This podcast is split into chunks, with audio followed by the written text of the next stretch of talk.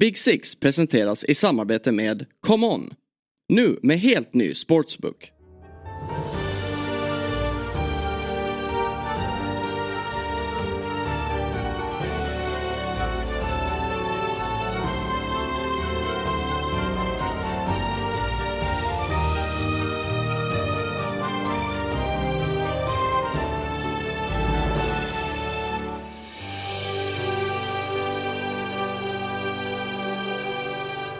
Då hälsar vi er varmt välkomna till ett nytt avsnitt av Big Six. Det är måndagen den 27 november. Klubblagsfotbollen är igång igen. Och det var en helg som gav oss eh, toppmöten, svensk mål och kanske årets, eller decenniet som du sa Björn, vackraste Premier League-mål. Ja, det är som, som du brukar säga eh, på Twitter så gillar man ju också att trycka till. Det är ju tråkigt att bara skriva snyggt mål. Ja, men Eh, verkligen. och så försöker man ju tänka till lite Ja. då. Så här. Och jag som sagt, jag har sagt det förut. Jag har eh, inte det bästa minnet. Men jag försöker tänka tillbaka. Om vi tittar tillbaka på tio års period. Hur många Premier League-mål slår det där målet? Och det är ju såklart subjektivt Ja. med Garnacho. Vad tycker man är ett snyggt mål?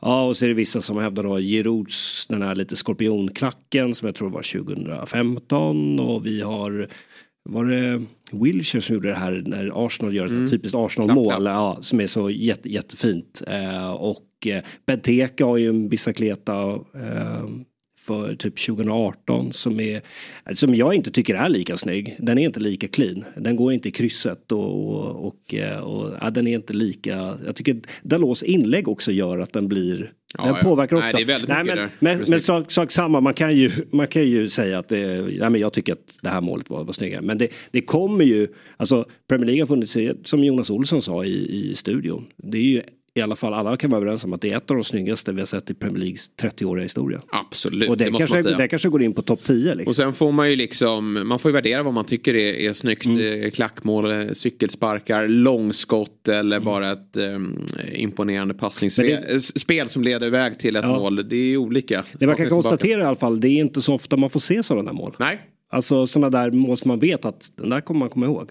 Ja, eh, det kommer man verkligen göra. Vi har ju, eh, jag fick ju lite, när jag skrev då, är det det snyggaste mål man sett? Då var det ett frågetecken också. Ja. Det var liksom inget jag slog fast Men det är ju lite den reaktion man fick. Ja, man nej, det. men det var Wow. ju, Det var- och som sagt, ja, anfallet innan blir löjligt att ta upp. Men det var ett fint anfall innan Mm. då. Vigges boll snabbt ut på Rashford som släpper till Dalot. Som slår där inla- inlägget lite bakom Garnacho. Så han får ju ta några kliv Mm. bakåt. Och sen då eh, väljer han att eh, cykla och det ser ju väldigt atletiskt ut.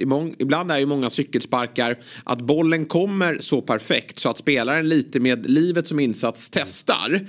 Och får då lite turligt träff på bollen och, och sen landar spelaren mm, i fråga eh, lite snett på marken och så förstår han ingenting. Det här ser ju så, är det, är inte första gången han testar det här, förmodligen i match då, men, men han har ju prö- prövat det här på träning. Och det blir en jäkligt läcker, lite den är stenhård men också lite lobbana över Pickford så han är ju chanslös på att Mm. Ja. ta den. Och ändå, alltså han är nära men ändå Ja, chanslös. ja, så det är otroligt många eh, Eh, moment i det här målet som, som eh, leder till att jag väljer att hålla det väldigt högt. Men eh, vi, vi kommer till den matchen och kanske mer om målet då lite senare. För jag tycker att vi ska börja ändå med helgens absolut hetaste match. Den... Man gick ju hela landslagsuppehållet som var ju eh, tråkigt i sig då eftersom vi inte hade så mycket att, att eh, intressera oss för. Eh, men man gick och väntade på den här matchen, tidiga lunchmatchen på Etihad då, Manchester City mot Liverpool. Och eh, det, är ju väldigt, det fanns ju väldigt många anledningar att längta till den. Dels då att vi vet att Klopp och Pep sedan de två, det är väl de två tränare som har suttit längst i respektive klubbar. Men de har ju haft några otroliga bataljer och det är ju faktiskt som så att Klopp är ju den enda tränaren som har plusstatistik mot just Pep Guardiola. Vilket han, eh, en, en svit han bibehåller då eftersom den här matchen slutar 1-1. Men man har gått och väntat på matchen och jag tycker att den uppfyllde faktiskt högt ställda förväntningar. Det är klart att många uppskattar väl när det som i matchen innan uppehållet blir 4-4, 8 mål i en match. Och lite av ett sjöslag. Men eh, om man gillar lite så här taktiska detaljer, tekniska detaljer. Så visar ju de här två lagen att de är på en nivå som är Ja, tillsammans med Arsenal också måste jag säga är högre än, än alla andra i, i, i Premier League. Och eh, det, var, det var häftigt på alla sätt att se. Vad, vad är dina intryck från, från den här matchen lite generellt sett? Ja, men ingångsvärdet var ju lite dels historien att City hade två raka segrar på Liverpool.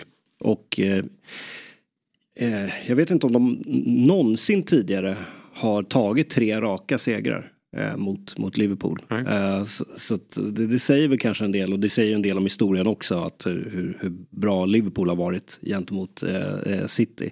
Men jag tycker också att den eh, innehåll, den får ju inte, de här 13-30 matcherna får ju inte samma Ehm, elektricitet och samma stämning i, på läktarna. Och Nej. sen är ju Etihad, det är ju kanske inte, du och jag har ju faktiskt varit där en ja. gång och kollat på Men det var, ju, det var ju en söndagsmatch 17.30. Ja, då, då fick vi i och för sig 6-0 då ja. till, till City och det är klart att publiken livar upp, ja, men det var lever upp då. Inte... Men det, det, det är ju väldigt sant och, och, eh, spelare man har pratat med också som, som kanske inte i Premier League, där känner man inte jättemånga, men som spelar i allsvenskan då tidiga matcher känner ju också att det, det är kanske inte lika lätt att tända till Nej. vid tidig avspark. Men som rent fotbollskvalitativt så höll den ju högsta, högsta klass. Ja. Och, och det var häftigt. Och, och just när, när, när City tar det här ledningsmålet eh, ganska tidigt ändå. Och eh, jag måste säga att det är jävligt snyggt av Ake där. Ja, eh, otroligt snyggt. Alltså att snappa upp och, och, hitta den bollen och sen gör ju Håland, visst han, vissa kan ju hävda att han blir lite väl ren.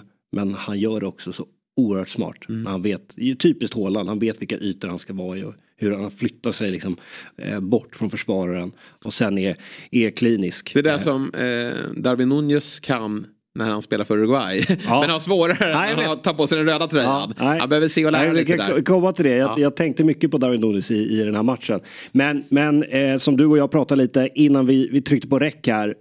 Vi båda är ju väldigt imponerade av, eh, av Liverpool. Ja, faktiskt. man måste faktiskt. Det får bli För City är ju någonstans är ju... måttstocken ja. i den här ligan. Ja, men så är det. Och Liverpool svarar eh, Liverpool har inte mött eh, varken Arsenal eller City i år. Så man eh, visste ju inte riktigt. Och många har ju menat på, jag lyssnade på eh, Fredrik Ljungbergs snack med Jamie Carragher. Och han var ju orolig för Liverpools defensiv i den här matchen. Hur ska man kunna ja. stå upp på Etihad mot så mycket eh, mycket kvalitet då, som, som City har i sin offensiv. Men jag tycker att de, de sköter det på ett, på ett väldigt bra sätt. Jag skrev en tweet om att jag, eh, ja, men min andemening var väl att det kommer bli svettigt för Trent Alexander-Arnold i den här mm. matchen mot eh, den nya den nya friska fläkten i Citys mm. offensiv, nämligen eh, Doky då. Men jag tycker faktiskt att i den matchen då, för det var ju där man kände också att det var ju det Pep hade sagt inför matchen att vi ska attackera på Liverpools mm. högerkant.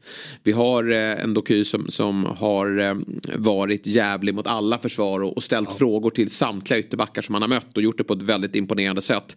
Och de överbelastade inte bara med honom mot Trent utan vi hade ju även Bernardo Silva som, mm. som tryckte på på den kanten också. Så att, tydligt att de skulle attackera på högerkanten. Men jag tycker att Trent Alexander-Arnold, jag tycker faktiskt att båda de här två gör en bra match måste jag säga. Ja, jag, jag tycker så här, Doky, eh, ja men han, jag tror han har 11 lyckade dribblingar. Mm. Eh, och, och, mm, det händer saker hela tiden. Sen är, för, för hans del handlar det väl om att bli lite bättre på att värdera. Och lära känna sina lagkamrater lite bättre också. Det kommer ju komma med tiden. Men kan han eh, addera det till sitt spel, ja men då är det ju en absolut världsklasspelare vi pratar. Men han kommer ju loss några gånger. Men jag tycker ändå att Trent, och det tycker jag oftast, Trent får ju mycket kritik för att han är svag defensivt. Men när han kliver in, eh, inför en uppgift som, som vi hade i, i lördags när han vet att han ska möta en väldigt bra ytter och han är väldigt fokuserad. Då är han oftast bra. Det är ju när han blir lite nonchalant och, och tappar mm. fokus mm. som han går bort sig i defensiven. Och det är ju faktiskt vad han gör när Nathan Ake kommer. Mm. För då, då, tänker jag, ju, där ser han ju väldigt tafatt ut eh, Trent. Han, han blir ju helt uppsnurrad och det ska ju inte behöva bli av Ake. Men i, i um, uppgiften mot Doky så tycker jag han sköter sig på ett väldigt bra sätt. Eh, men eh, lite slarvigt då på det där målet. Men jag tycker att båda de här spelarna kliver upp och, och, gör bra insatser. Trent har ju också en ganska tuff roll i att han ska ju vara högerback i det defensiva eh, spelet. Men när Liverpool har boll då ska han kliva fram på ett mittfält och eh, även eh, skjuta på och vara, eh, vara mer framåt. Vilket sen också leder till att han smäller in 1-1. Så det är, en, det är en tuff uppgift som kräver mycket av honom. Men jag tycker att han, han sköter den bra över 90 minuter. Jag håller med. sen ser man ju det på, på Trent. Alltså, han vill ju vara där uppe. Det är ju där han trivs. Ja, verkligen. Uh, nu är han ju tidigare, den gamla Trent var överlappande. Mm. Kom runt Sala och, och, skickade, kunde ju både slå tidiga och sena inlägg. Och, och eh, då var det ju Mané som dök upp på den bortre. Eller, eller Firmino och Jota kunde dyka upp. Eller så mm. skickade han bara ett instick till Sala som smällde in den. Nu är han mer centrerad i banan och då ska han ju komma på de här andra vågskotten som han gjorde när det blev 1 Så att Trent gör en, en, en, en fin match. Doky gör en, en bra match. Och jag, jag tycker så här, det är svårt att hitta någon dålig spelare på planen. Jag eh, är imponerad av Liverpool. Jag visste att det som slår mig med båda lagen hur presståliga de är. Man känner ju bara ja. så här, ibland när de, när de står och, eh, i, sin, i sin uppspelsfas från målvakt så känner man att skicka in vilket annat lag som helst med de uppgifterna och mm. det pressande laget gör fem mål. Men både City och Liverpool kan ju spela sig ur press på ett väldigt eh, imponerande sätt. Och att, att City hanterar det, det visste vi i, i den här typen av match. Men jag blir också imponerad över att eh, Liverpool klarar av det. Och jag tycker nog att McAllister som har, har sett både fått ris och ros från många. Eh, men jag tycker kanske att han gör sin bästa match här. Han har inga problem med att ha en, en eh, flåsande Bernardo Silva eller eh, Rodri i, i nacken utan han, han tar sig ur pressen. Och jag tycker även Soboslaj gör det återigen. Ja, ja, vi har ju pratat om honom många gånger men nu, nu är det nästan så att det går ju ganska fort här. Alltså, jag säger, men nu har vi sett honom i, i eh, vad blir det, 13 omgångar. Nu förväntar man ju sig att han är så här bra. Mm. Nu har man ju det här. Okej, okay, men han är en världsklass mittfältare. Han ska vara så här bra hela tiden. Men att han är det också mot världens bästa lag. Och jag tycker han är även där bland de bästa spelarna på planen mm. eh, i den här matchen. Och sen på andra sidan såklart, jag tycker återigen Rodri. Men det blir lite sådär med Rodri. Ja, men han håller 10 av 10. Ja. ja. men det är det man tror att han ska göra. Ja. Så man reagerar nästan inte. Men det är fascinerande. Och de här mötena det här är ju den senaste tiden, alltså det har varit en lång era för Manchester City som är, har varit solklar etta.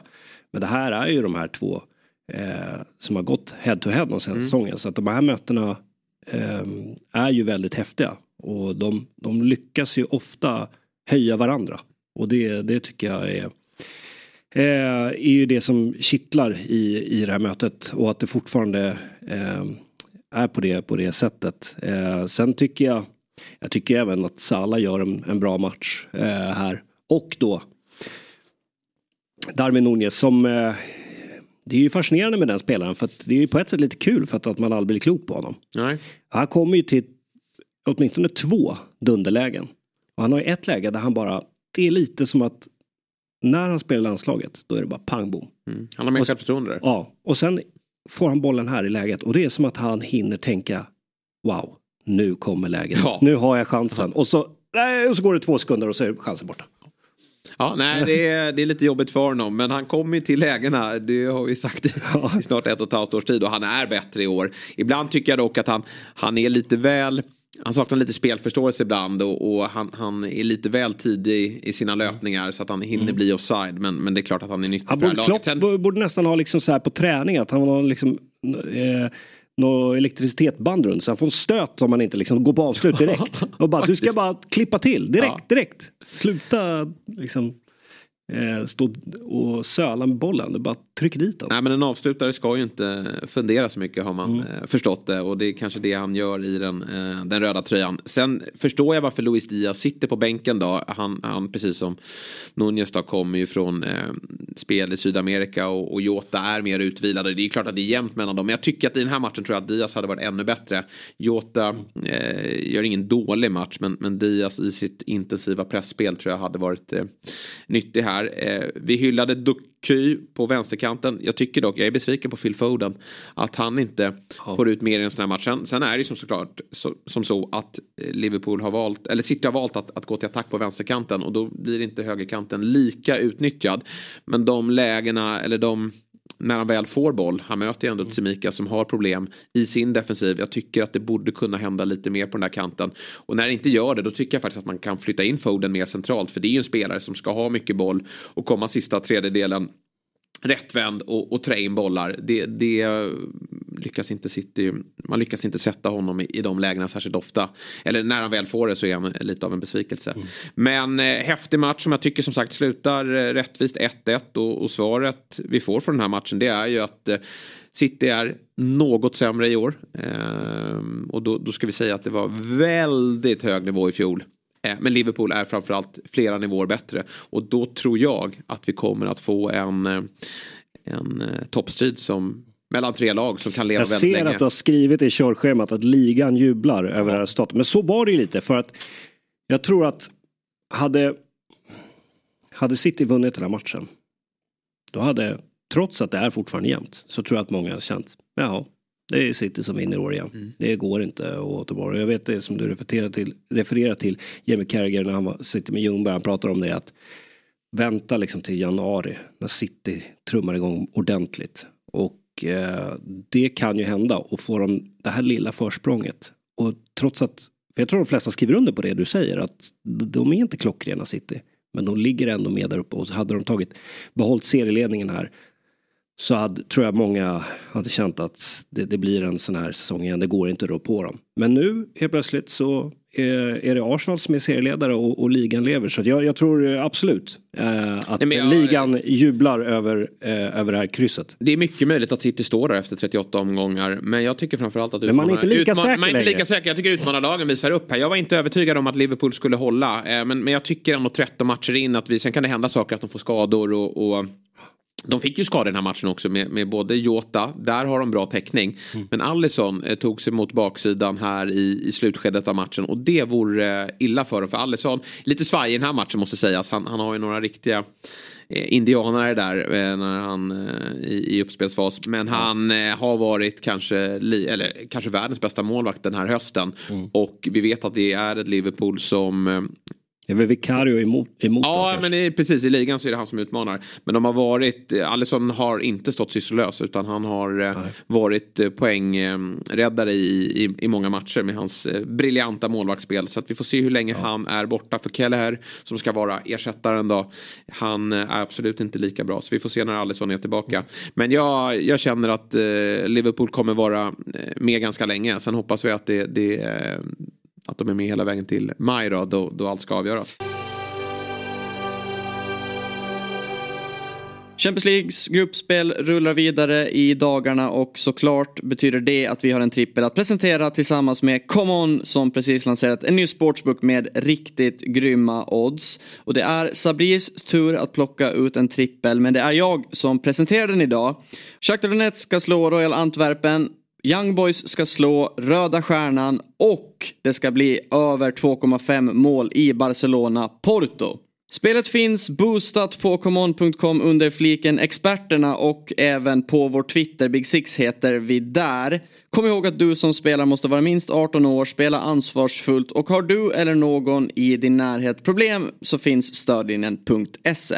Vi säger stort tack till Common som är med och möjliggör Big Six. Poddtips från Podplay.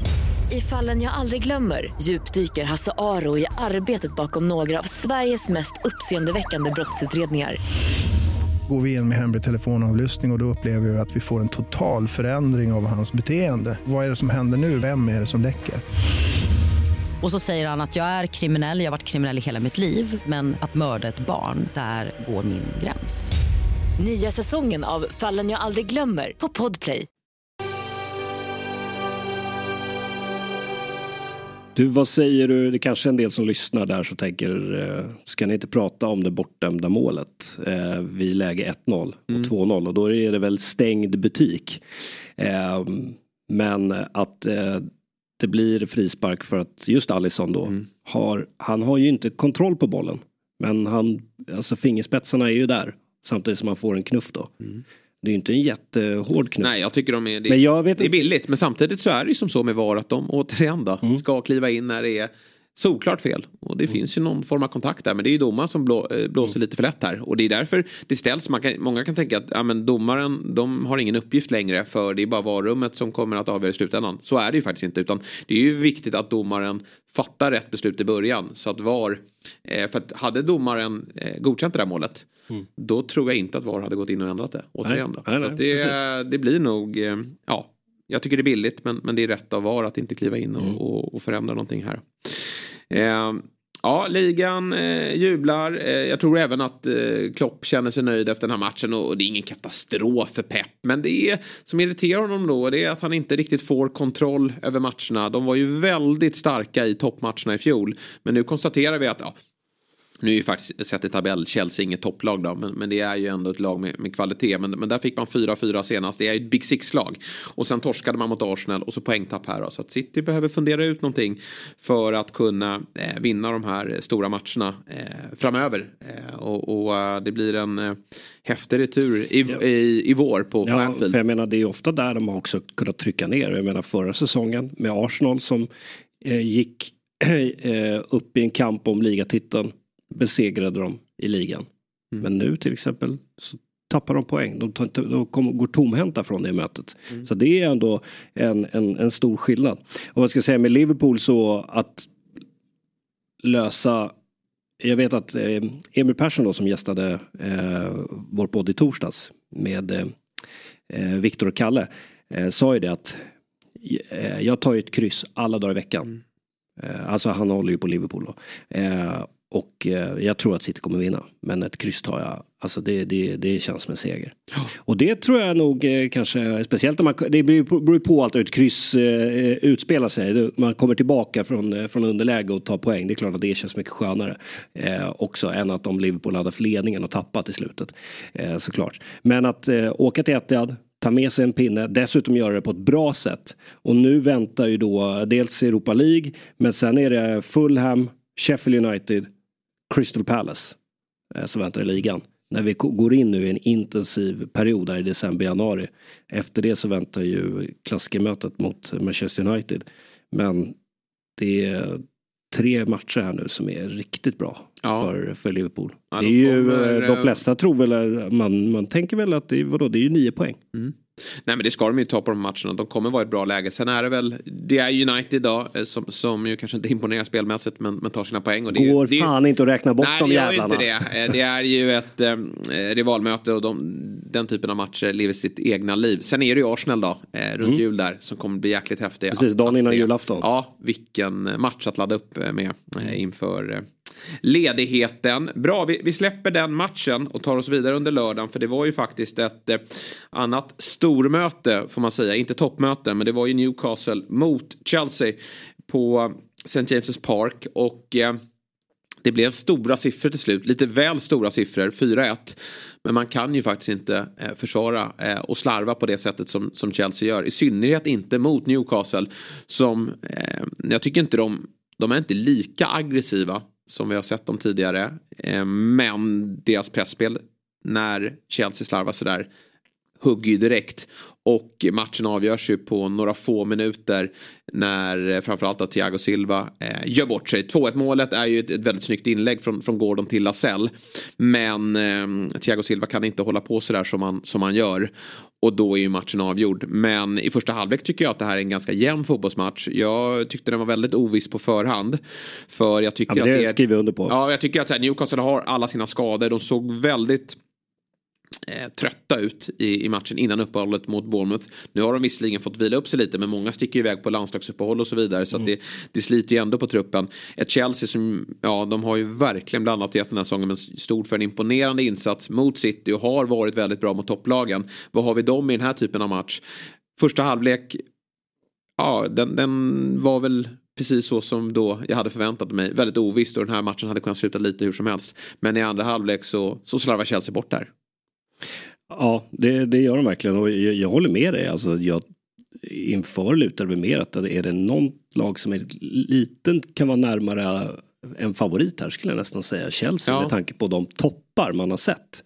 Och vad de har i sig och jag menar eh, de kunde ju ställa upp ett eh, starkt lag på banan här. Eh, och det är klart att Newcastle fick ju också tillbaka eh, det som är med Newcastles skador. Nu fick de tillbaka Bruno, jag har ju varit tillbaka här nu. Isak kom till spel. Eh, så fronttrion där är, är ju stark. Eh, men de är, får ju ändå spela med han ungtuppen Miley på mitten. Mm. Och sen, men visst att så här att Bottman och Dan Burn är borta. Det är ju. Alltså de har ju gjort det. Eh, Eddie Howe har ju fått dem att bli eh, extremt bra. Men det är ju ändå spelare som inte är några världsklasspelare. Så att det går ju att plocka in nästan likvärdiga i ersättare. Alltså i, i Fabian och Livramento. Det är ändå helt okej okay backup sett till vad man har förlorat. För, för liksom Dan Barn och Bottman är ju inte världsklass Nej. på det sättet så att det blir att oj, då tappar halva backlinjen. De kommer inte klara sig. Eh, men men eh, vi, har ju, vi har ju sagt det förut att Chelsea under Pochettino det kommer vara upp och ner. Det kommer vara mycket upp och ner. Sen ska det inte bli så här stora siffror dessutom med, med Newcastle som man väl har också lite kliat sig i huvudet åt eh, att var, var står de egentligen? De har inte heller imponerat supermycket tycker jag. Uh, så att uh, nej, uh, bjuder man på sådär mycket chanser på St. James' så så kommer det smälla. Jag menar det läget Isak får och det är jättebra av Isak och Isak är ju liksom en klinisk avslutare, mm. det vet vi ju. Och det är ju så här, ger honom det läget då smäller han ju dit den. Mm. David Nunez hade missat. Ja, men han ska ju, ja, men, han hade börjat dribbla och liksom, vem ska jag passa? Kommit, kommit men, avslut. men, eh, men, men, eh, men Isak gör det jättebra. Så jag vet att alltså, Thiago det är klart att alla kan göra, alla gör ju några sådana här blunders eh, någon gång per säsong eller eh, och, och vi vet ju vilken höjd han har. Men den är så konstig för det är som att båda fötterna är intill varandra. Och det är som att han slår på ena foten. Typ. Att han, vet, det, för det är ju ändå en spelare som visst, han börjar ju snart toucha 40, 40 bast. Men det är ändå en spelare som alltid håller hög koncentration. Ja. Och eh, är, är, är, så skicklig. Så jag är lite förvånad. Men det är klart, alla kan göra, eh, kan göra misstag. Men eh, om man vänder på det då. Måste vara väldigt skönt för för Newcastle för att man, man kommer ju från en tung förlust i nu är det nästan en, det är nästan en månad sedan, men tung förlust mot, mot Dortmund i, i Champions League och sen den här borta förlusten mot, eh, mot Bournemouth. Eh, så reagerar man då, även om det har varit ett landslagsuppehåll, med 4-1. Mm. Nej, det är Chelsea. väldigt starkt och de med alla avbräck man, som man har. Men jag tror Newcastle som lag känner sig också att de, hela deras eh, alltså framgångsrika period som de har haft de här två senaste åren under Eddie Howe bygger ju på att vi är ett lag, vi är verkligen ett lag. Vi bygger, vi bygger inte på eh, individuell eh, kvalitet utan saknar vi några spelare, ja, men då är det andra som kliver fram. Vi behåller liksom vår, vår grundidé och vi, vi sitter ihop som lag och, och eh, sätter vår press och eh, när vi väl får våra chanser så, så smäller vi dit dem. Så jag tror inte de känner sig särskilt stressade över att många saknas. Nej, för att jag menar om man tittar på tabellen nu är Newcastle sjua. De ligger bakom United som vi har slaktat så hårt. Och Newcastle som tog en Champions League-plats förra säsongen. Nu är det ju bara 13 matcher in. Men jag menar med det så, alltså ett poängtapp i den här matchen. Mm. Så, så är det ju liksom, då, de, då hade de ju tappat rejäl mark upp till Europaplatserna. Mm. Och nu har vi ju höga förväntningar på, på Newcastle. Absolut. Och det som är jobbigt för Chelsea här då, det är ju att de verkligen tappar kontakten med, med lagen ovanför som, som slåss eh, om Europaplatserna. Och vi är 13 matcher in och Chelsea har redan förlorat fem matcher och det finns tendenser i spelet. De, vi har lyft fram Chelsea att vi är ju väldigt mycket i, i, deras sätt att spela som vi imponeras av. Men, men någonstans landar det också i resultat. Och de har ju faktiskt inte eh, Pochettino eh, fått med sig. Och, och, så fort man börjar känna att nu är de på gång. Då åker de på sådana här käftsmällar. Och eh, det är ingen skandal att förlora mot Newcastle på St. James' Park. Men det här var ett bra läge att möta dem. Och det får inte bli så här stora siffror. Eh, Reece James ja, klantar till det. Han är äntligen tillbaka och har eh, hyllat sin egna fysiska status och han betyder så mycket för det här laget. Och så kliver han in och tar två gula och är avstängd i, i den viktiga matchen mot Brighton som skulle kunna vara en match där de också då försöker att ta igen lite på, mm. på lagen som ligger ovanför. Eh, går ju att vinna den matchen ändå såklart men, men eh, jobbigt avbräck för dem. Nej, eh, tungt för eh, Chelsea. Ja, 12 det, poäng upp till Champions League-plats. Ja, Sen kanske inte någon... Det var väl lite målsättningen hade... i år. Det är väl bara de mest eh, naiva supporterna som, som drömde om, om Champions League inför säsongen. Men man vill väl ändå se resultatmässigt eh, en, en bättre säsong i år än i, i, eh, i fjol. Sen eh, behöver det väl kanske komma in lite Ja men dels behöver man ju få tillbaka lite spelare från skador. Man har ju en diger skadelista eh, fortsatt då.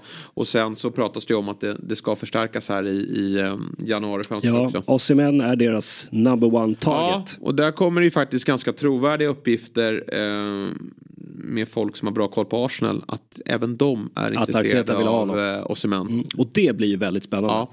För att eh, nu får vi, nu går vi åter alltid den här brasklappen med Financial Fair Play och vad, vad kan Chelsea lägga och budmässigt kan de matcha varandra båda två. Eh, men om i det här fallet just nu, vi får se om de, Arsenal är serieledare när vi är i januarifönstret. Men för oss i mäns del, att ha chans att gå till ett lag som slåss om titeln. Ja. Eller gå till, gå till Chelsea bara där. För jag tror att båda klubbarna kan nog matcha likvärdiga löner och, och, och allt det där. Eh, då Chelsea- ser jag, om det är så att Arsenal och Chelsea går för honom. Då måste väl ändå Arsenal ha ett litet försprång. Han gick ut i någon eh, podd här, Osimhen, och sa att han, han hade sympatier för Chelsea. Mycket på grund av eh, Drogba såklart. Men, men jag vet inte om de är så starka. Och som du säger, alltså, dels då en titelutmanare. Men, men Arsenal som är eh, garanterade till Champions League-spel nästa år. Och- och- Chelsea är ju två, ett, två, kanske tre år bort från Och i Champions League. båda lagen blir han ju etta. Ja, ja, ja. Så det är ju inte även, alltså, jag skulle säga att konkurrenssituationen är likvärdig. Ja, ja nej, men alltså tar man in Osimhen för de summorna som det pratas om. Det är väl eh, en och en halv miljard minst som du måste lägga eh, för dem. Jag förstår inte hur båda, eh, jag är osäker på hur. Nej, Arsenal har ju spenderat mycket också. Ja, Arsenal har faktiskt också spenderat väldigt mycket pengar. Men det, det fixar de väl på något sätt.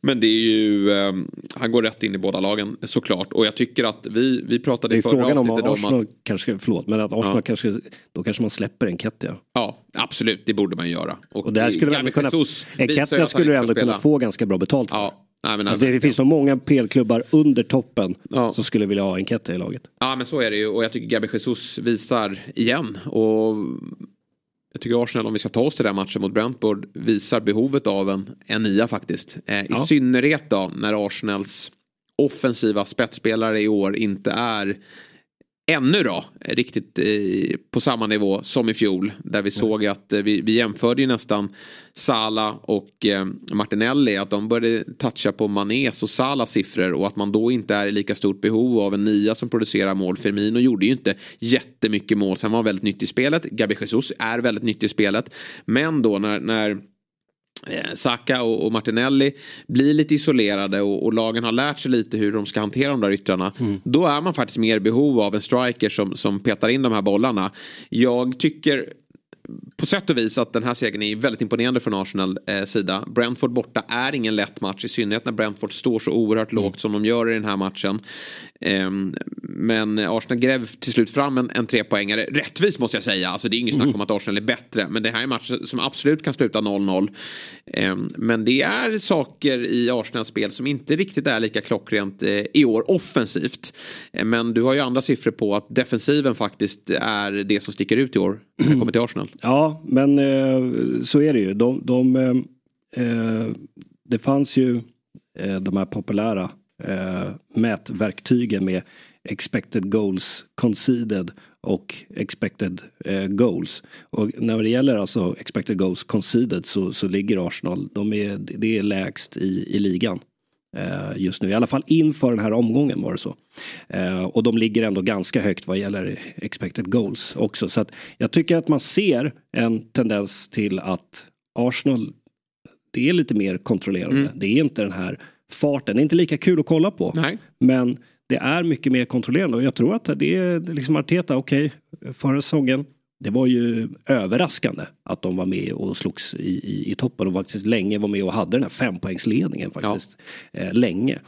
Eh, men att Arteta har klurat på att okej, men vad är det som krävs då för att vi ska ta nästa steg? Ja, vi, vi, måste, vi måste bli mycket, mycket bättre eh, defensivt och det kan man ju vara på olika sätt. Det handlar ju inte om att Arsenal går och parkerar bussen. Men att, Nej, de, nej, nej. Men att de, de kontrollerar, de tar inte lika mycket ri- risker längre.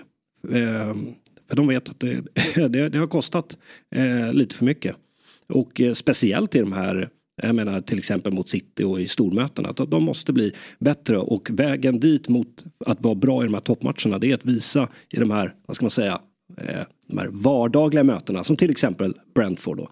Att, Ja, eh, att visa att vi, vi, nej nu ska vi inte flyga iväg här och tro att vi, vi är så solklar favorit att vi, vi ska bara ösa på. Utan nu är det ett lite annorlunda Arsenal. Och det är tuffast tänkbara buss att möta också för Brentford är ju väldigt trygga i det här. De vet ju att de Eh, stå, de är skickliga på att försvara lågt och när de väl får chansen offensivt så brukar de göra mål.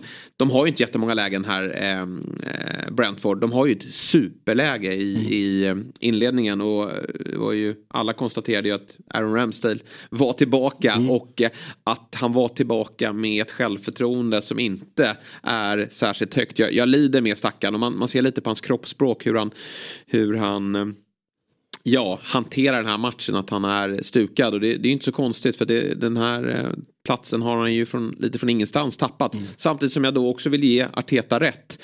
Jag har eh, haft eh, lite diskussioner just med, vi, vi eh, har ju pratat om, om målvakter med skickliga fötter och jag förstår ju verkligen hur nytta man kan ha av det om man har ett spelskickligt lag. Mm. Alltså som i Arsenals fall, eh, som i Citys fall, som i Liverpools fall. Att har man målvakter som kan trä in bollar lite Lite, lite, överallt, kan slå den långa, kan slå mm. den korta. Då får man en, en, en edge och, och, man kan komma till anfall väldigt snabbt när man slår ut en press. Men däremot tittar man på när Onana ska använda sina fötter mm. så, så blir det ju inte lika fördelaktigt när eh, spelare som Harry Maguire är framför honom. Mm. Eh, så att eh, jag, eh, jag förstår allt mer varför eh, Arteta har gått den här vägen. Men jag kan heller inte låta bli att tycka synd om Ramsdale som i grunden är en väldigt skicklig målvakt. Men här håller det på att skita sig ordentligt eh, i början då när han slår en indianare rakt ut och Mboemo är ju nära att göra 1-0 men eh, räddas ju på mållinjen här eh, Ramsdale av, av eh, ja, någon av backarna. Så att eh, där höll det på att skita sig. Men sen tänk... så har de ju bra kontroll och skönt för Ramsdale ändå att få hålla nollan även om man inte gör någon supermatch i övrigt. Ja, men tänk hur snabbt det kan gå ändå. Från eh, den fjolårssäsongen eh, han hade och eh, när eh, när han plockar in Raja att man, man, man, alla frågade sig varför ska de göra det? Ramsdale är ju som solklar etta. Och nu så är väl alla överens om vem som är etta. Mm. Eh, alla har ju liksom accepterat det och det är väl inget snack om saken. Eh, nej men jag håller med, jag tycker också lite synd om, eh, om Ramsdale och eh, vi har pratat om det förut, men jag, jag hävdar det. Jag tror, sen vet, jag tror att Ramsdale kommer trycka på att eh, få lämna. Sen kanske Arteta säger du ska ingenstans. Vi, jag skiter i att du blir missnöjd. Du ska ingenstans. För att åker vi eh, på någon skada eller det blir eh, eh tätt matchade med att vi går långt i Champions League eh, och i, i övriga kupper så, så, så behöver vi dig. Men jag tror att Ramsdale själv kommer pusha för att jag ja, vill spela någon annanstans. Jag tror att han i början kände att det kommer bli en kamp mellan mig och Raja. Men nu känner han nog att han har förlorat den kampen för att mm. Raja är en så mycket skickligare målvakt med fötterna. Jag tror att det inte kommer ske någonting i januari som du säger. Arsenal kommer aldrig släppa honom. Men nästa sommar då får det väl bli en, en förändring. Men Arsenal vinner. Det är imponerande. Man ska också veta att det är ju en form av press också. De vet ju om att City och Liverpool har spelat lika. Nu har vi chansen att kliva upp i serie, serietopp. Vi har eh, schemat är väldigt bra här nu. Precis som för Liverpool så har Arsenal väldigt många bra matcher här framöver. Så de kommer ju att dundra på här nu. Kai Havertz som har fått en del kritik för att man inte riktigt vet vad han ska spela. Och det vet man väl fortfarande inte då. Men, men han dyker upp väldigt fint på bortre här. Jag tycker att Saka börjar bli lite som Salah ibland. Att han, mm. han är väldigt eh, osynlig och, och uh, han är inte alls så... Han är involverad i spelet men kommer ju väldigt sällan till farliga lägen. Nej. Men en otroligt fin boll till Havertz på bortre eh, stolpen och eh, tre poäng hem till... Ja, de var i London redan. Men tre poäng hem till Emirates då. Och eh, Arsenal eh, sitter i en, i en jäkla bra position. Men det är klart att det kan bli... Alltså ja, kanske inte mer fartfyllt då för att Arteta kanske har fått eh, Arsenal att spela på det sättet som man vill, mer kontrollerande. Men det är klart att det går att få lite mer formstarka spelare. Ödegaard tillbaka nu efter en skada. Han behöver växla upp lite ytterligare ja. och sen behöver de få igång en, en nia där framme som kan producera mål. Ja, men, och det, och eh, det kan man ju se som något positivt att det finns ju sparkapital i Ödegaard. Ja, ja. Han, han är, eh, har haft lite skadeproblem, inte sett lika klockren ut. Men vi vet vad han håller för nivå och eh, i, i det här intensiva spelschemat som kommer nu så tror jag nog att han kommer liksom steppa upp eh, och, och, eh, och eh, höja sig. Men såklart jätteskönt för Kai Havertz med tanke på, han känner ju själv hur ifrågasatt han är och prislappen och var han ska spela, att han får avgöra den här matchen som i slutändan kan ju avgöra en, faktiskt en, ett titelrace. Alltså en sån här match som står och väger. Absolut. Två förlorade poäng. Blev tre poäng istället. Och det var han som fixade det. Eh, så att, eh, jätteskönt. Och jag menar, ser man till defensiven eh, med Arsenal återigen så är det ju det laget som har släppt in minst antal mål. De har bara släppt in tio kassar. Mm. Så att de, de är ju bäst där, bara så rakt upp och ner. Ja. Så att där, där, där ser man ju den, den styrkan. Så att, ja, ehm, Även om det satt långt inne så tror jag, och sådana segrar kan ju också vara de skönaste också att få eh, tre poäng i åt.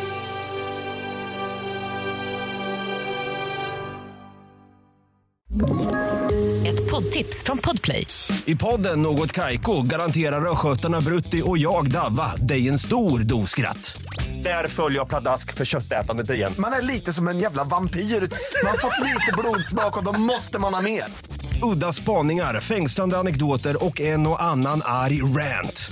Jag måste ha mitt kaffe på morgonen för annars är jag ingen trevlig människa. Då är du ingen trevlig människa, punkt. Något Kaiko, hör du på Podplay. Därför är gardinerna.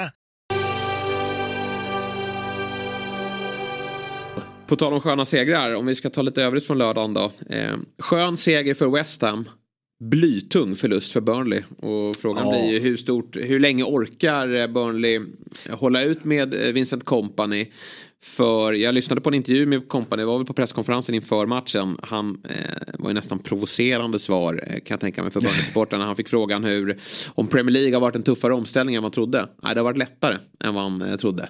Eh, lite sån här passning till att vi, vi är bra med här men vi har haft otur. Och så är ju så är det ju i, i mångt och mycket att Burnley har faktiskt, till skillnad från övriga nykomlingar, kan faktiskt kontrollera matcher och, och känna som spelför, spör, De är spelförande, men de straffas ju något oerhört bakåt och det är ju ett försvarsspel som, som eh, inte är tillräckligt bra helt enkelt. Och att tappa då 1-0 ledning mot West Ham till 2-1 förlust i den jobbiga situation man befinner sig i.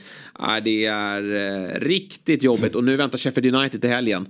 Det bara måste bli tre poäng där. Blir det inte det, då tror jag faktiskt han kan ryka. Alltså, med den här helgen, med Evertons straff och eh, läget de nu får i, i tabellen här. Så, så var det här verkligen en, en, en nyckelmatch. Och jag, jag kikade faktiskt på den här en matchen en del när jag jobbade. Och eh, jag måste säga att West Ham gör en riktigt dålig match faktiskt. De är riktigt svaga. De har Och- ju Antonio och Bowen borta. Ja, och det är såklart att det, det, det är klart att det påverkar West Ham givetvis. Man såg det på dem. De, de hade liksom ingen, eh, ingen edge överhuvudtaget. Och Burnley var inte lika sådär bolltrillande. De var ganska försiktiga. West Ham var extremt försiktiga. För det var lite som att David Moyes tror jag kände att det de vill det är att vi ska gå upp och pressa. Och det gjorde de aldrig. Utan de låg bara och väntade.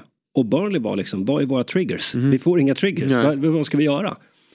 Så matchen stod liksom, första halvlek var bland, eh, jag kollade ganska mycket på den här matchen, konstigt nog, eh, 16-0. Men det var, eh, första halvlek var kanske den tråkigaste Premier League-halvleken jag Ja. sett. Det hände inte ett skit. Sen får ju, den bästa spelaren i, i Burnley det är ju Amdoni. Det är han som skapar. De har ju en straffsituation innan som eh, eh, där domaren tycker att han, jag, jag tycker nästan att det är straff. Men det, de, domaren hävdar väl att han söker den för mycket och faller för lätt. Men så fixar han ju då den, den andra straffen som Rodriguez sätter. Och då tänkte jag att det här, alltså med tanke på att West Ham var så svaga, jag såg inte dem vända den här matchen. Men så får de lite igång sitt spel det här när de slår. De är ju så oerhört starka på inläggsspel och fasta situationer. Och när de börjar få de där lägena och James Ward-Prowse kan slå in de där bollarna.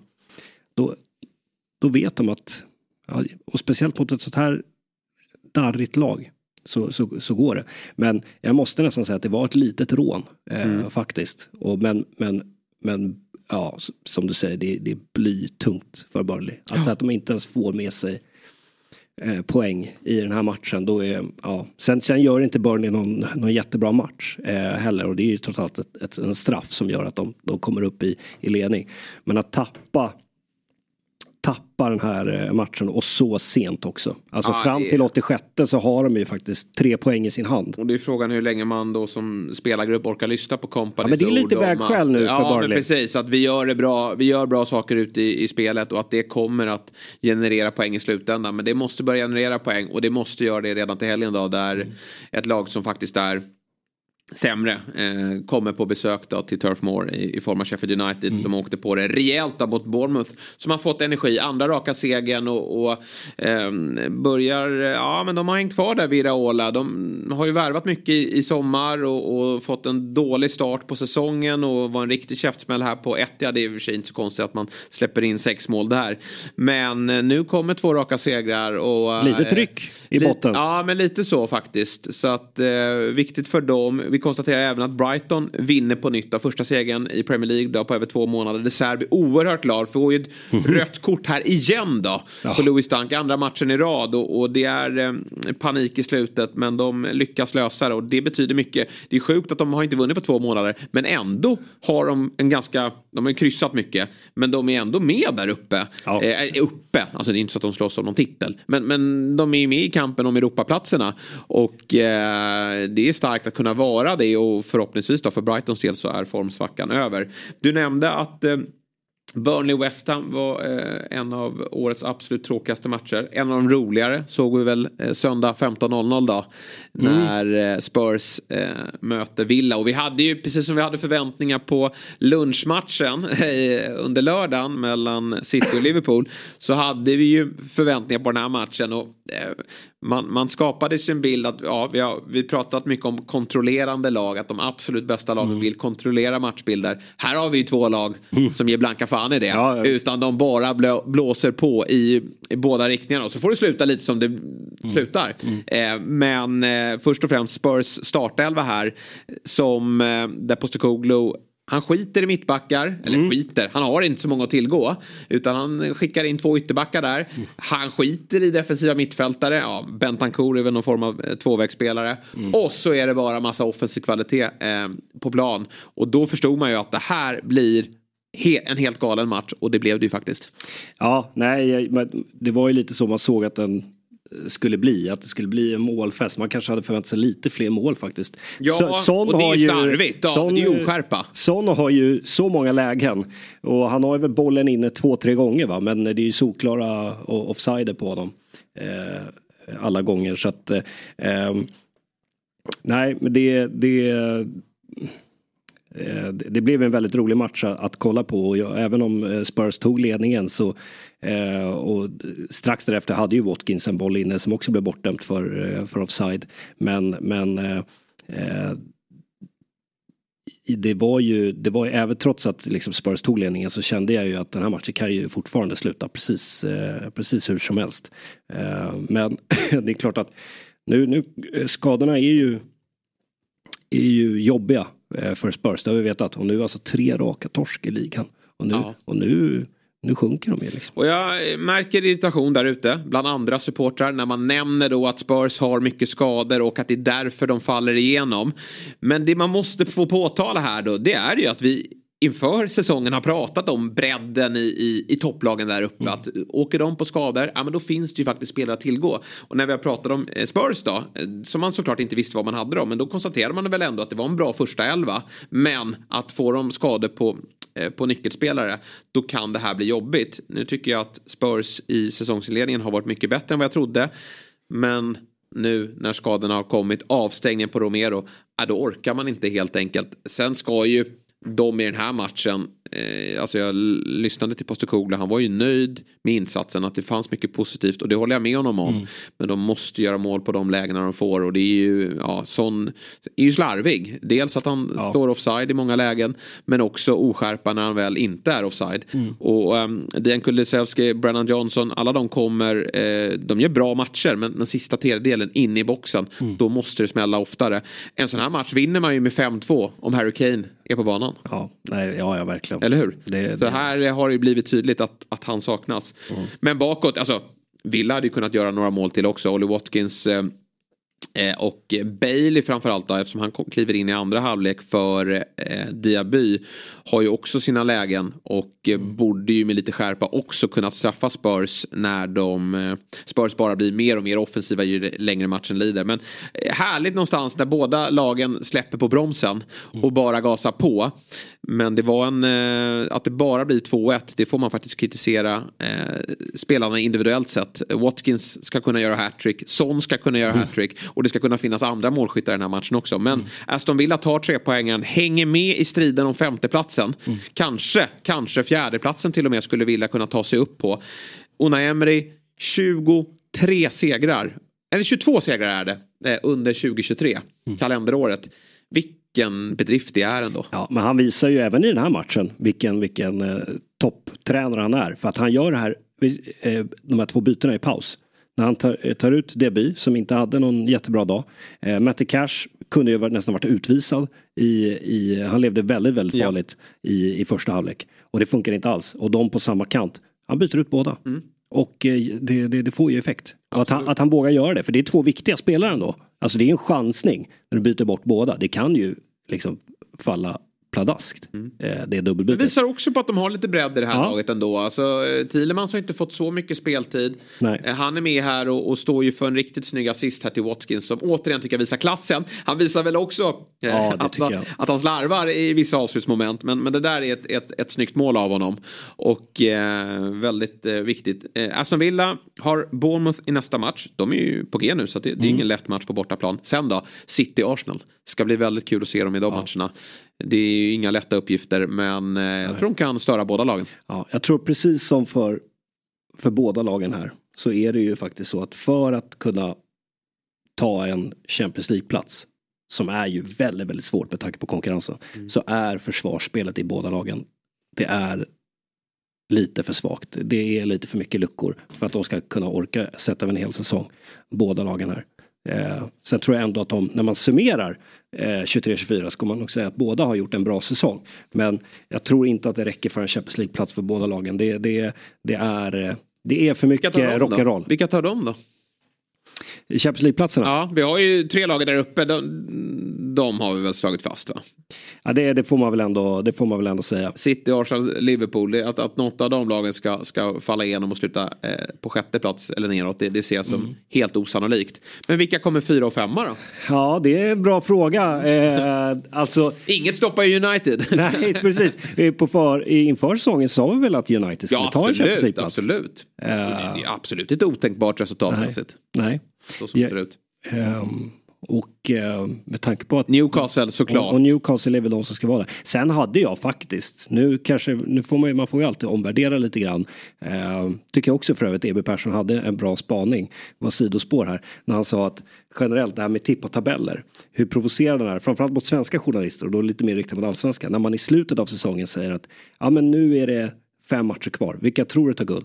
Ja, men jag sa ju de här från början så jag får stå fast för det. Hur idiotiskt det är. Ja, det För att, men vadå, det är nya förutsättningar nu. Så att du måste ju ta in det. Nej men jag sa dem, okej okay, men de ligger sju poäng bakom och har ingen chans. Så du står kvar vid det ändå. Eh, men Nej, men som att det ska sak... vara pinsamt att ändra en åsikt efter att, Det är som att man skulle ha suttit på facit inför säsongen. Ja. Och då kan man inte ändra på det. Nej, Nej. Det är och med det, med det eh, vill jag säga att just jag pratade ju för eh, i början på säsongen här nu. Jag var så oerhört imponerad av Brighton. Att jag tänkte att de kan vara med och, och kanske till och med utmana om titel. Så jag hade egentligen Brighton då som en stor utmanare till den här Champions League-titeln. Men just nu. Ja, men det är inte har, kört. Det är inte kört. Men just nu Tvärtom. så får jag väl lite omvärdera det. Ja. Men trots allt, och jag, jag, vet hur mycket skit jag har kastat mot United. Men jag får väl säga att det är United, Newcastle och Brighton som jag ja, är stor utmanare till. Ja, nej, jag tror också att precis som att vi har ett... Men det är klart att Villa och Spurs kan göra det. Ja. Men eh, de måste få ordning på defensiven. Mm.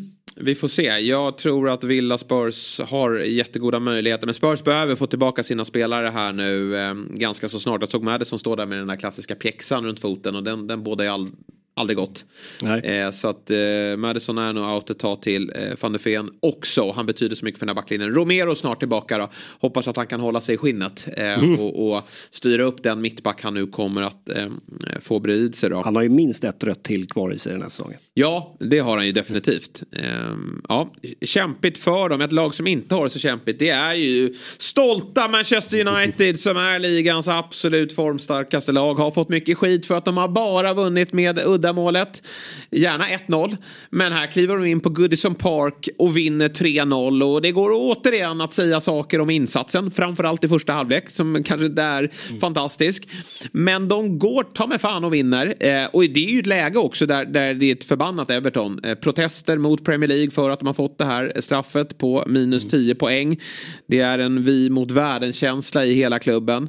Men eh, United eh, till slut vinner komfortabelt även om de var illa ute. Och det är många saker man vill lyfta fram här. Målet har vi redan pratat om. Mm. Det kan man ju prata om ett helt program. Eh, helt makalöst snyggt. Eh, jag tycker att eh, Anthony är borta i elvan, det gör United väldigt mycket bättre. Även om Marcus Rashford egentligen är bättre till vänster, men det funkar rätt fint i den här matchen. De har en jäkla massa spets framåt i United, så de behöver inte så väldigt många lägen. Det var ju massa statistik på att det har aldrig varit ett lag som har skjutit så få skott på, på mål på bortaplan som ändå har vunnit med 3-0 och jada, jada, jada. Men de står där som vinnare mot slutet av dagen och jag tycker att Onana, som har fått så mycket skit mm. eh, i säsongsinledningen, eh, mycket för att det har ju blivit eh, några rejäla rejäla tavlor. Han har ju spelat upp sig. Och någonstans är man inte eller förvånad, jag, jag, jag spydde galla över honom men, men jag tycker att han efter varje misstag stod upp och visade väldigt mycket karaktär och mental ja. styrka vilket han ju nu har visat sig få nytta av. Mm. För nu har han Han hade någon sekvens i den här matchen han på att slarva ja, lite. Ja, men det kommer han göra. Alltså, mm. Det kommer nog vara några sådana där. Men jag tycker framförallt att han, nu, nu, nu räddar han ju bollarna också. Det var inte bara att han skickade bollar höger och vänster. Men nu, nu räddar han ju bollarna faktiskt. Och det, ja. det är ju det man ska göra som målvakt. Ja, men jag, jag tycker att eh, eh med, eh, med, med United det, det är det här som du nämnde då att, eh, att så få chanser ändå att göra mål. United har ju alltid haft Alltså de har ju spetsspelarna som yeah. har den här kvaliteten. Jag tycker Martials mål som ju hamnar lite i skugga här då såklart över att vi har fått sett ett makalöst mål av Garnacho. Det är ju riktigt snyggt. Och vi, det är ju där Martial, vi vet ju vilken höjd han håller. Ja, ja. Men Martial är ju ett, bara ett eget kapitel mm. i Uniteds historia med, med, Ja men han är ju skadad snart. Det, är, det, det är nästan sjukt att han är kvar. går inte att bygga någonting på det här. För att han, är, han visar hur bra han kan vara, hur nyttig han kan vara och han är bäst som nia. Och sen är han borta i tre månader. Ja. Rätt på det. Men jag tycker ändå så här, visst första halvlek var ganska svag. Och jag, precis som du säger, man kommer ändå, även om det är United och United ser sig alltid som att vi räds ingen, vi är störst och vi ska vinna den här matchen. Men de kommer ändå till Goodson Park där det är som du säger, vi mot världen-känsla. Det kan ju, tror jag, tänkte jag i alla fall inför, smyga sig in i en känsla där nästan United lite ber om ursäkt för att de är där. Och att, ja vi vet, det, det är liksom där, det, det eh, ni, ni känner att hela Premier League är emot er och det bara kokar inne på Goodison och, och, att man nästan är lite försiktig när man kliver in där. Men på det sättet tycker jag var lite besviken över Evertons insats. Och samtidigt tycker jag faktiskt att United för första gången på länge, kanske speciellt i andra halvlek, de var lite som ett lag igen. Mm. De spelade som ett lag. För tidigare har det varit, det har varit mycket, det är individualisterna. har Rashford en bra dag? Nej, det hade han inte. Hade Bruno en bra dag? Nej, det hade han inte. Eh, eller så hade han det. Ja, okej, då vann de. Eh, och, och, så är det en del eh, brister i övrigt. Men här tycker jag faktiskt att de, de spelar som, som ett lag. Och jag tycker de, de är liksom väldigt, väldigt stabila eh, ändå. Mm. Och tre raka segrar i, i ligan. Håller nollan. Och eh, kan, det här är ju ändå någonting Även om man inte kan lita på Martial så är här, här tycker jag ändå är någonting att bygga vidare på. Mm. Ja, hoppas att han håller sig, så fri, håller sig frisk så länge som möjligt. För han är ju här och nu en bättre spelare än vad Höjlund är. Sen har ju Höjlund potentialen att, att växla upp och, och, och, bli jätteviktig. Men Martial redan nu är ju en färdig spelare och är ju faktiskt när han är skadefri en, en, en riktigt bra spelare. Att eh, Uniteds mittbackspar hösten 2023 skulle heta Victor Lindelöf, Harry Maguire. Det hade man ju dömt ut eh, för ett år sedan. Mm. När Lisandro Martinez och Rafael Varan stod där. Men sen har det hänt en del saker och faktum är att det ser rätt okej okay ut. Sen tycker jag att det är viktigt, väldigt viktigt för United att Luke Shaw är tillbaka. Eh, på så sätt att där får de också in ytterligare en uppspelsfot. Eh, han, han är, är, viktig i offensiven, att han kan fylla på och skicka inlägg. Men också att det finns en spelare att, att slå upp bollen på för Onana och övriga i backlinjen. Så att eh, Luke Shaw, om han också får hålla sig skadefri så har United ytterligare en, en viktig spelare där. Sen väntar ju tuffare schema nu då. Nu är det ju Newcastle på St. James' Park här på lördag 21.00. Och där blir det upp till bevis då. För jag, jag tyckte att Newcastle var ganska försiktiga i sin press mot Chelsea. Men den här kvällsmatchen på St. James Park, St. James Park, det kommer spraka och det kommer vara en galen atmosfär. Och jag tror att Newcastle kommer kliva jävligt högt. Dessutom ska de åka ner till Turkiet. Ja. Möta Galatasaray borta I en viktig i en match. viktig match. De måste vinna den Ja, matchen. men den har, Newcastle har ju PSG här också. Ja, absolut. På bortaplan. Ja, absolut. Eh, Så båda har ju tuffa eh, Ja. Mm. midweeks. Men sen då eh, kommer den här matchen där eh, det gäller för Maguire att få ordning på, på fötter. Och eh, hålla koll på Isak när han eh, jagar ifatt dem tillsammans med Gordon och eh, Almiron. Jag, jag ser verkligen fram emot den matchen. Mm. Och eh, kan eh, United överleva det elddopet då eh, får vi nog ta dem på allvar. För då, då kan man säga hur mycket som helst om att det inte ser bra ut spelmässigt. Utan då, då lyckas man faktiskt lösa resultat mot riktigt bra lag också. Ja, så är det. Ja, bra. Det var det om eh, Premier League. Eh, kommer ju vara intensivt schema här framöver. Vi har ju matcher i eh, Får jag bara säga en grej nästa vecka. Ja. eh, om Evertons protester. Mm. Jag måste säga ändå att jag, jag tycker att det är en svag protest. Mm. Eh, och det här är ju, vi vet det, är många som raljerar, speciellt många som följer andra ligor, raljerar över stämningarna i Premier League och på läktarna och sådär, att det är lite mjäkigt. Och här tycker jag ändå så här, Everton känner så starkt, supporterna, att, att ligan är korrupt, att eh, kolla på City, vad, vad de har för misstankar. Oss smäller ni dit med minus 10 poäng direkt. Det ska man också bara veta för, för liksom, protokollets skull. När det gäller Everton så var det ju faktiskt så här, frågan kring Everton var ju, har de skött ekonomin eller inte? Och det har de inte. Vad gäller City, om man nu ska liksom bara enkelt förklara det, där är ju frågan mer, har de ljugit? Har de fifflat? Så det är lite olika, det är lite äpplen och päron. Men jag förstår frustrationen. Men att då i en minut hålla upp en röd lapp med en Premier League-logga och det står corrupted och sen bara sätter man sig ner. Ja. Sen vet jag att det har varit lite protester utanför Premier Leagues högkvarter och det har varit, det, skulle, det flög något flygplan över Etihad och så här med någon banderoll som knappt någon har noterat. Men jag måste säga att det var, det var svag protest Mm. med tanke på att det är klubbens framtid som står på spel här. Det, jag, jag hade förväntat mig mer. Ja, det kallar mig. Vill jag bara Sen är säga. Så här, för Evertons fall, ja, de blir ju ordentligt straffade i den här matchen om vi kollar på spelmässigt då. Det, det var en svag eh, protest. Mm. Och eh, jobbigt för dem ute på planen. Få det här drömmålet emot sig. Eh, ett United i ledning är ju inte lätt att eh, ta sig an nu då, när de har den här medvinden också. Nej, eh, jobbigt för dem att följa upp 10 poängs avdrag med en 0-3 hemma mot ett lag som de nog kände att de kunde faktiskt eh, störa.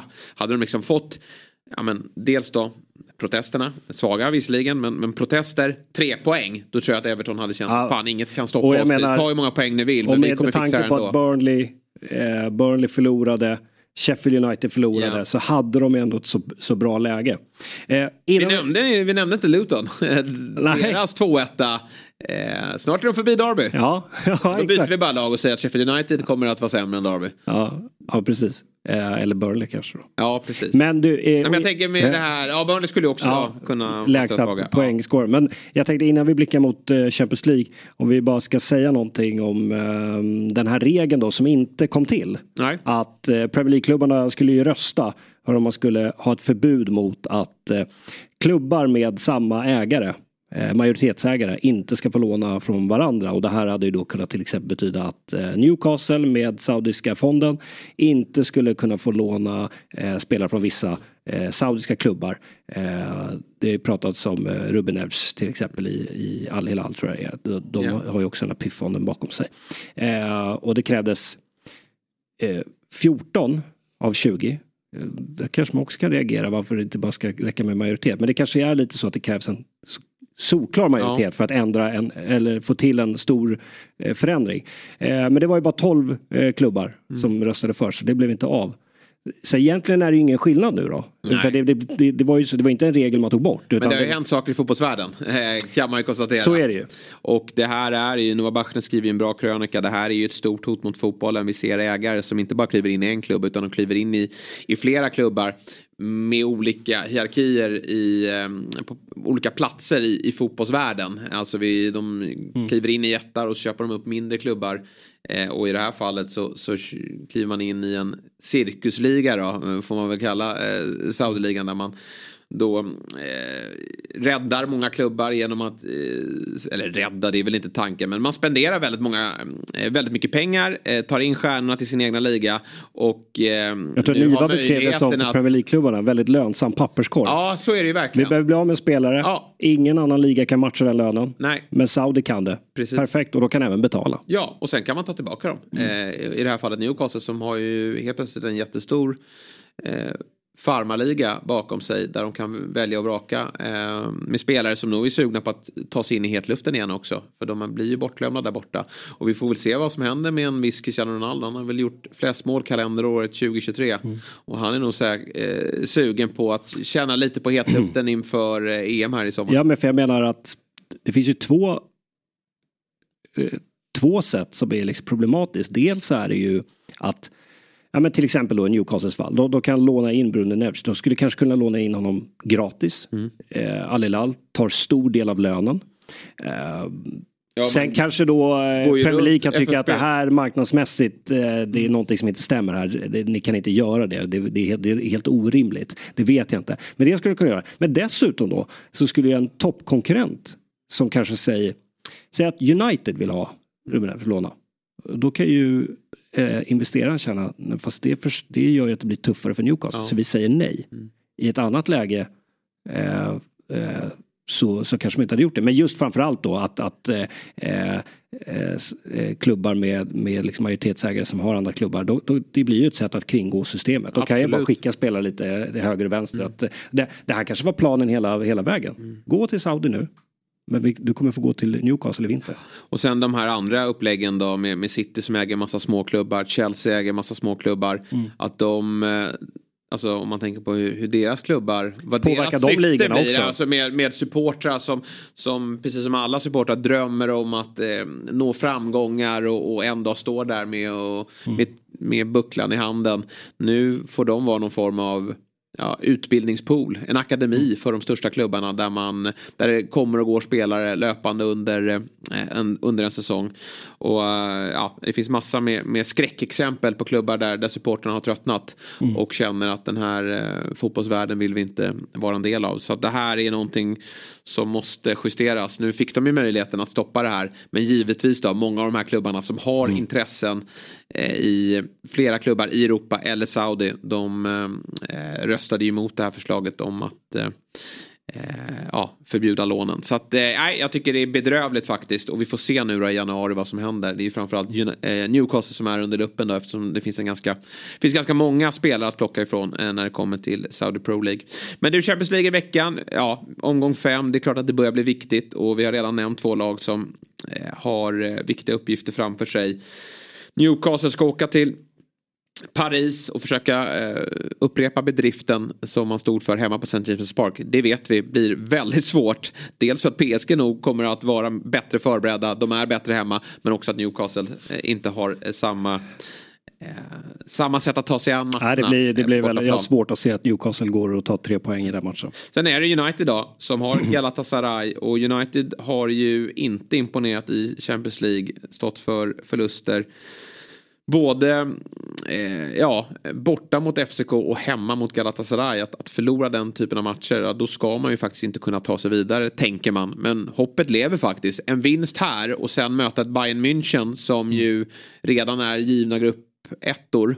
Eh, redan given gruppetta i den sista omgången skulle ju faktiskt kunna eh, vara en ganska trevlig uppgift för Manchester United. Men då krävs det seger. Eh, nere i Turkiet, en match som spelas då 18.45 onsdag. Det är väl den matchen jag främst eh, ser fram emot. Annars har vi ju City som redan är klara. Möter Leipzig som de Ja, alltid gör i Som gruppspelet. de alltid gör. Eh, Arsenal har 7-0. ju Lans, den matchen som de faktiskt förlorade borta. Just Men det. Arsenal har ju eh, första platsen i sin hand. Det är ju på hemmaplan här så att det ska ju bli tre poäng. Ja, ja, det är bara att stänga eh, butiken där va. Ja, där är ju regeln med att Sevilla ligger eh, tog sist med bara två pinnar. Men eh, det, det är ju ett annat Sevilla den här eh, säsongen. Men eh, ja, nej jag håller med. Galatasaray, Manchester United och eh, PSG Newcastle ur ett Premier League-perspektiv är ju det man kanske mest intresserad av. här. De matcherna kommer ju vårt torsdagsgäng att följa upp då. Medan du och jag är tillbaka nästa måndag. Då pratar vi ner helgen och så pratar vi upp den eh, veckomgång som ska spelas. Det är ju en häftig match också. United har Newcastle nu, sen har de Chelsea i veckan. Och då så har de viktiga Champions League-matcher. Så nu gäller det att de eh, orkar och eh, står upp dem mot lite bättre motstånd än vad de har haft den senaste tiden. Bra Björn, eh, tack för idag säger vi väl. Tack, tack. Eh, och tack till alla er som har lyssnat. Som sagt tillbaka på torsdag igen för att ta ner Champions League. Vi hörs då. Hej!